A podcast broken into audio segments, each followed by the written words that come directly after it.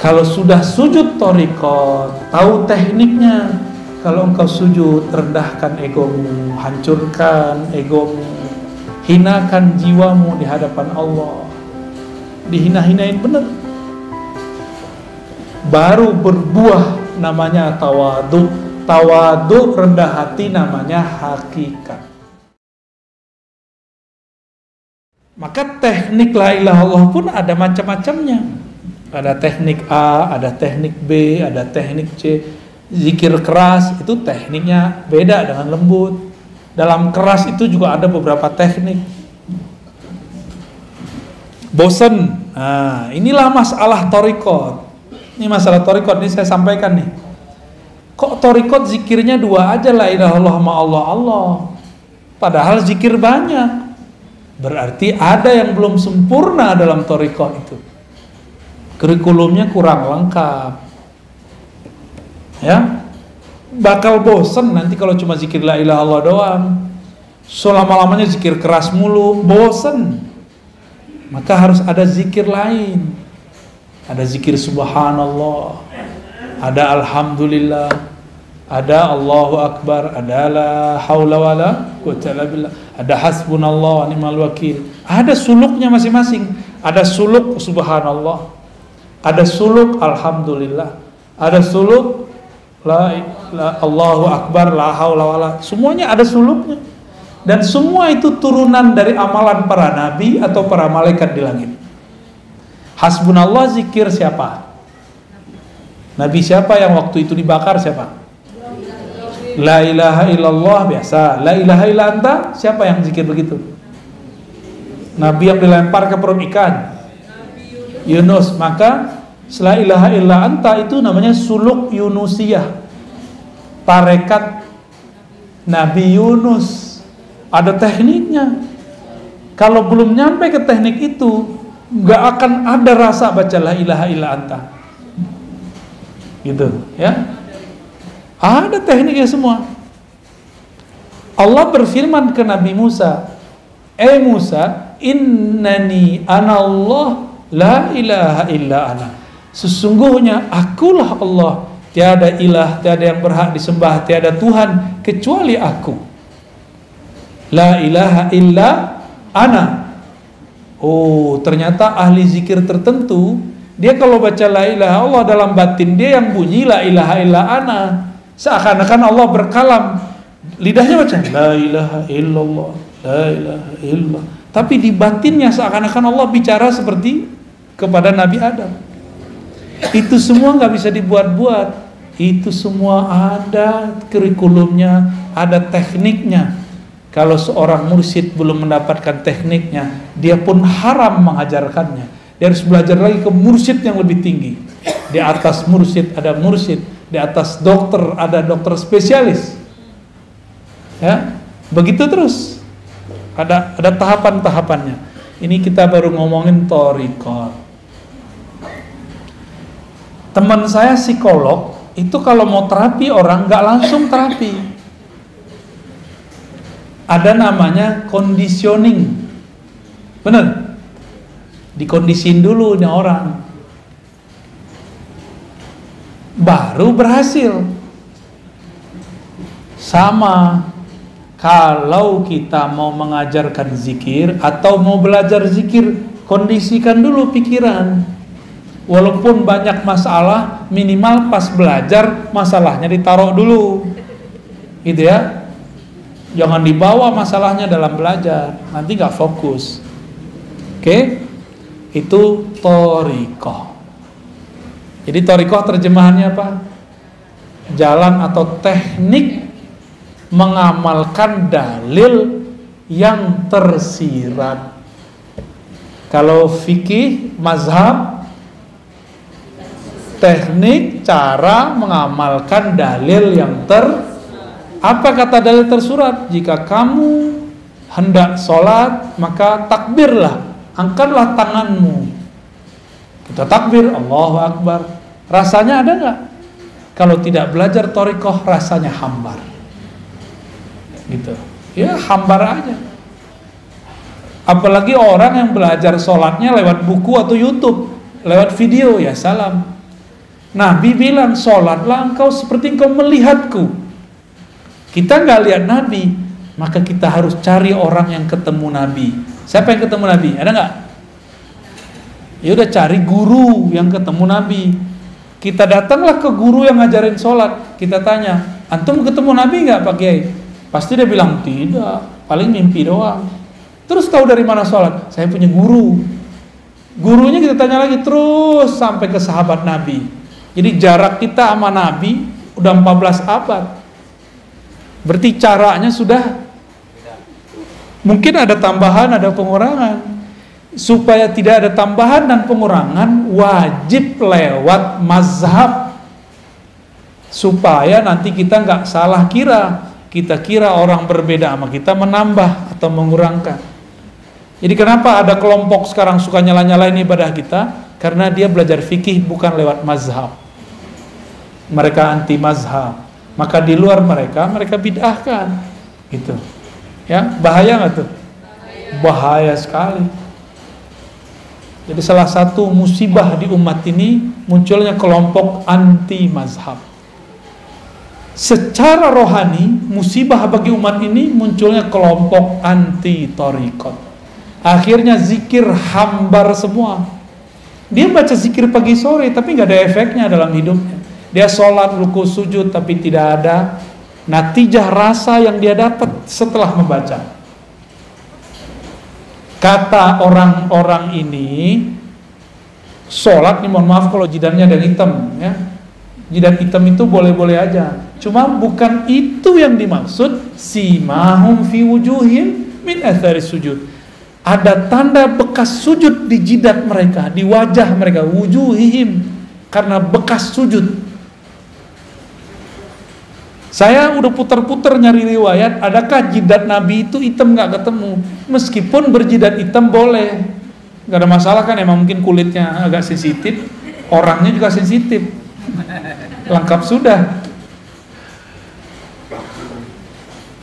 Terus apa yang dimaksud tanda sujud? Tanda sujud saya sering sebutkan. Orang sujud kepalanya di mana? Di bawah apa? Di bawah tempat paling kotor di alam semesta. Nih, tempat buang air kecil. Ya walaupun bajunya bagus, walaupun bedaknya masya Allah, bajunya oke, tapi bagian situ bau nggak? Nggak enak kayak ngomongin begitu ya. Tapi emang itu bau, udah selesai. Sekarang ditaruh di bawahnya. Gimana? Maka yang disebut asar sujud, bekas sujud adalah hilangnya kesombongan seorang hamba. Itu baru disebut bekas sujud. Jadi siapakah yang sujud kepada Allah? Orang yang sudah melepaskan kesombongan-kesombongannya ego-egonya merasa sok pinter, sok alimnya, sok solehnya. Sok merasa paling benernya. Dia buang sudah. Karena yang merasa sok bener di sini bener. Yang merasa pinter mana? Yang merasa bergelar ini. Yang merasa manhajnya mazhabnya paling bagus torikotnya paling keren ini. Kalau ini nggak mungkin. Ini maka ditaruh di bawah jadi asar sujud adalah kerendahan hati. Efek dari sujud adalah rendah hati. Gimana? Udah rendah hati belum? Lagi belajar. Karena kadang jujur, mending jujur begitu. Berarti sholat kita ini sudah benar belum? Kira-kira sholatnya diterima nggak? Ah kayaknya nggak diterima sih. Soalnya si mahum fi wujuhimnya belum ada. Karena puncaknya sholat ketika kepala di bawah di saat itu tidak ada lagi ego tidak ada lagi sombong. Kalau masih ada sholatnya belum diterima kira-kira gitu. Gimana dong? Orang-orang kayak kita ini sok soleh sok merasa sholat ada orang telat sholat aja kita kata-katain hmm. ya, ada orang nggak sholat kita suzon ya. dia padahal udah jamak. Ada orang kita lihat gak sholat, padahal dia sudah jamak. Bisa nggak begitu? Ya, susah ya. Emang begitu sih ya. Di otak ini, ya, kortek depan ini, ini dia sukanya prasangka. Ternyata otak ini di istilah orang-orang ahli neurologi disebut otak reptil. Ini yang disebut dalam Al-Quran. Ulaika kal. Mereka itu seperti binatang. Otak reptil itu 5 sampai 10 persen. Selebihnya sisanya berapa? Otak kanan, otak kiri 40, 40. 45 45 ya? 45 45 empat lima kiri kanan itulah yang akan mendalami torikot hakikat ma'rifat. Sayangnya orang cuma berpikir pakai 10% ini makanya jadi bodoh seumur hidup. Keras sekali. Cari lawan terus karena reptil kan suka nyari lawan. Kepalanya begini terus tuh oh. siapa lo? Aliran balu nih. Jadi setiap kali ada kelompok baru kepalanya seperti reptil. Kalau nggak menghindar, ngelawan. Begitulah terus. Ulaika kal an'am. Nyalak mulu, ya. Maka di Quran disebut seperti kalbun. Hmm? Seperti si gugu. Jika engkau biarkan yalhas, jika kau perhatikan yalhas, engkau apa-apain yalhas. Yalhas tuh lidahnya begitu mulu. Auzubillah min. Kita ini jangan-jangan baru sujud fisiknya belum sujud ah, kita baru sujud fikih to mazhab belum sujud torikot kalau sudah sujud torikot tahu tekniknya. Kalau engkau sujud rendahkan egomu hancurkan egomu hinakan jiwamu di hadapan Allah. Dihina-hinain bener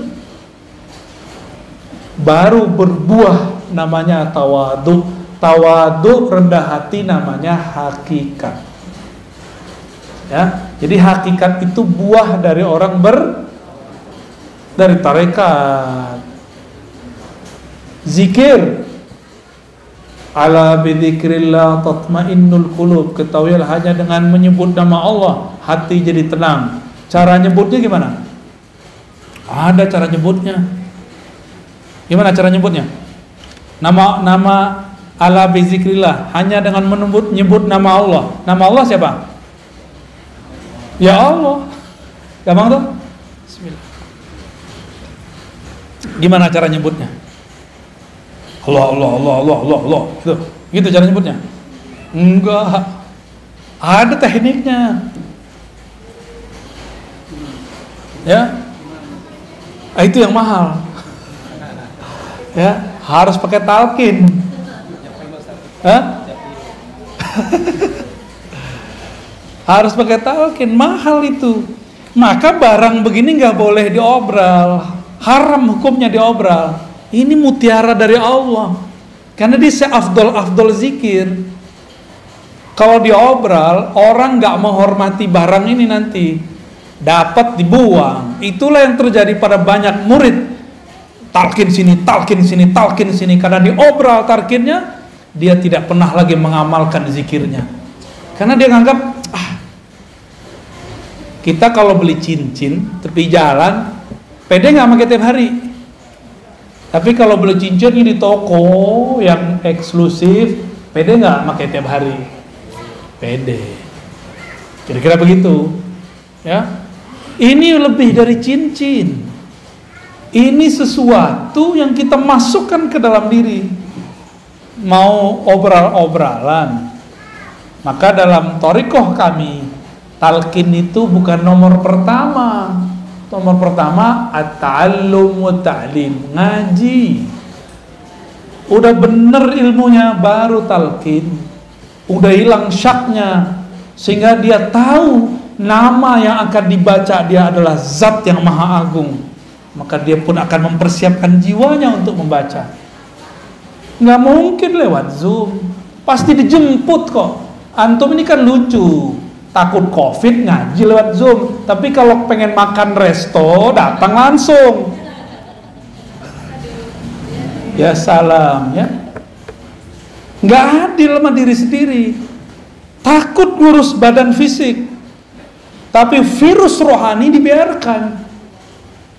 Sampai mati begitu aja lah ya. Rasain aja terus. Nggak ada perkembangan dalam batin kita nggak adil. Innallaha yuhibbul muksitin. Allah senang sama orang yang adil, yang proporsional jelas. Lagi pengen sama karedok ya. Datang ngantri lagi. Masuknya pakai masker pas makan, mungkin. Nih ditutup nih. Mom, mom bisa nggak? Eh kan nggak bisa. Makan pakai masker bisa nggak? Ah gaya-gaya doang pakai masker. ya pas mau makan pasti dibuka hilanglah social distancing kenapa antum gak takut giliran mau ngaji dempet-dempet dikit takut nggak percaya kalau pas ngaji ada rahmat turun ada malaikat rahmat itu di antara antum banyak sekali malaikat rahmat itu sampai ke atas sana nggak ada virus berani masuk Masuknya paling pas masuk mall tuh, ya. Yang disalahin pengajian masjid. Malaikat itu kalau ada orang duduk di tempat zikirnya lalu doa, Allah marhamhu, ya Allah rahmati dia, selamatkan dia, jagalah dia. Malaikat kalau doa mustajab nggak? Dia nggak pernah dosa, ya? Masih takut? Hah? nggak takabur loh ya nggak boleh takabur. Tapi insya insya Allah ya. Yang adil sama diri. Ini bukan nyinggung yang nonton online sama zoom ini. Kalau yang karena jarak kita maklumi. Ini masih di kota Bandung. Ya saya aja datang dari Jakarta masa antum di sini zoom gaya bener ya sok higienis sok jaga badan tapi nggak jaga rohani Makanya sampai nanti nggak akan ada peningkatan spiritual. Nih saya marah-marah nih sekarang sore ini nih. Tapi marah saya begini-gini aja, ya. Mau sampai kapan begini terus, ya? Maka yang hadir kita apresiasi dengan baik. Semoga Allah meridhoi antum lebih kenceng daripada yang udah jelas dari samping sini masih pakai zoom. Gaya bener. Giliran makan ke kantin dempet-dempetan, ya. Betul-betul nggak adil ke dalam diri ya. Nggak adil. Saya prihatin melihat seperti ini. Kalau mau protokol kesehatan lengkap prokes-prokesan yang adil semuanya ya. Semuanya rapi siap-siap hidup merana udah divaksin juga ya terus untuk apa dong kita divaksin ya protes ya tuh ya Pak pemerintah semua orang udah bosen. Orang udah bosen semua. Tapi gimana lagi? Ke depan kita harus pakai aplikasi segala macam lah. Jadi yang pakai fingerprint dulu kan kantor punya print. Kalau sekarang semua orang harus punya peduli lin, nggak hanya fingerprint, dicolok hidungnya. Kita ikutin aja mainnya ya. Yang penting kalimah Allah bertahta di dalam kalbu. Ya, yang penting ketenangan muncul di dalam jiwa. Harus muncul di dalam jiwa. Jika dilakukan zikir berdasarkan tekniknya, sama dengan orang makan karedok, makan rendang sesuai dengan takarannya, cara masaknya, udah pas sudah. Kalau juga masih belum terasa, jangan-jangan bukan menunya yang salah, tapi lidahnya sedang sariawan. Paham ilustrasi ini? Kalau kita nih belajar zikir, gurunya sudah oke, okay, tekniknya sudah lengkap, tapi belum juga menikmati zikir. Jangan-jangan kolbu kita sedang bermasalah, seperti mulut lagi sariawan gak menikmati makanan. Saya kira cuma orang Padang yang pedes. Orang Sunda cabai rawit nggak dicampur apa-apa, giling. Gimana? Udah pernah nyoba? Doer nggak bibirnya tuh? Nggak berani. Tuh orang Padang nggak berani, orang Sunda berani. Pantesan lebih pedas dari kita ya gak? Maaf, canda-canda. Itu torikot. Hasil dari bertorikot tenangnya kolbu dalam berzikir namanya hakikat. Kita punya kesimpulan punya hikmah. Oh begini ya kalau zikir dikerjakan secara benar hasilnya begini. Kita tahu metodenya tahu teorinya paham hikmahnya. Ini namanya hakikat ya jadi hakikat itu pengetahuan yang diperoleh setelah menjalani hakikat. Tapi hati-hati, tidak semua pengetahuannya te tepat. Maka di atas hakikat ini harus ditingkatin lagi. Si hakikatnya harus diuji. Karena hakikat ini pengetahuan, tapi pengetahuannya terpisah. Zikir la ilah rasanya ini, zikir hu rasanya ini. Itu namanya hakikat, hakikat. Terpisah-pisah. Beda zikir, beda rasa. Umroh sama puasa beda nggak rasanya? Keasikan umroh haji berbeda dengan keasikan tahajud. Bener pilih mana? Sama-sama pegel loh kaki tahajud. Sama-sama tawaf. Kenapa orang lebih sering memilih umroh? Padahal mau ketemu Allah di rumah juga bisa. Nggak mesti ke Ka'bah kali kenapa karena menu Orang bosan satu menu. Rasa, ada rasa yang didapat di dalam umroh beda dengan rasa yang dapat dalam tahajud. Rasa ini menghasilkan pengetahuan. Pengetahuan inilah yang disebut ilmu yakin. Ilmu yakin. Paham? Kira-kira? Dama lainnya hakikat. Sehingga kita punya keyakinan, kalau aku baca ini, aku yakin begini, itu orang udah punya hakikat. Maka orang yang sudah mengerti hakikat, jika ada orang bersyariat, sholat seribu rakaat, dia cukup dua rakaat, itu udah sama. Kalau orang bersyariat belum mengerti ilmu yakin, dia sholatnya baru by pahala. Kalau ada pahala dia sholat, kalau nggak ada pahala dia nggak sholat. Kalau orang mengerti hakikat dia sudah tahu bahwa sholat itu jangan harap pahala, tapi ada sesuatu di belakang itu. Inilah yang disebut oleh Nabi orang alim tidur lebih ditakuti oleh setan daripada orang yang itu maksudnya yang punya ilmu hakikat.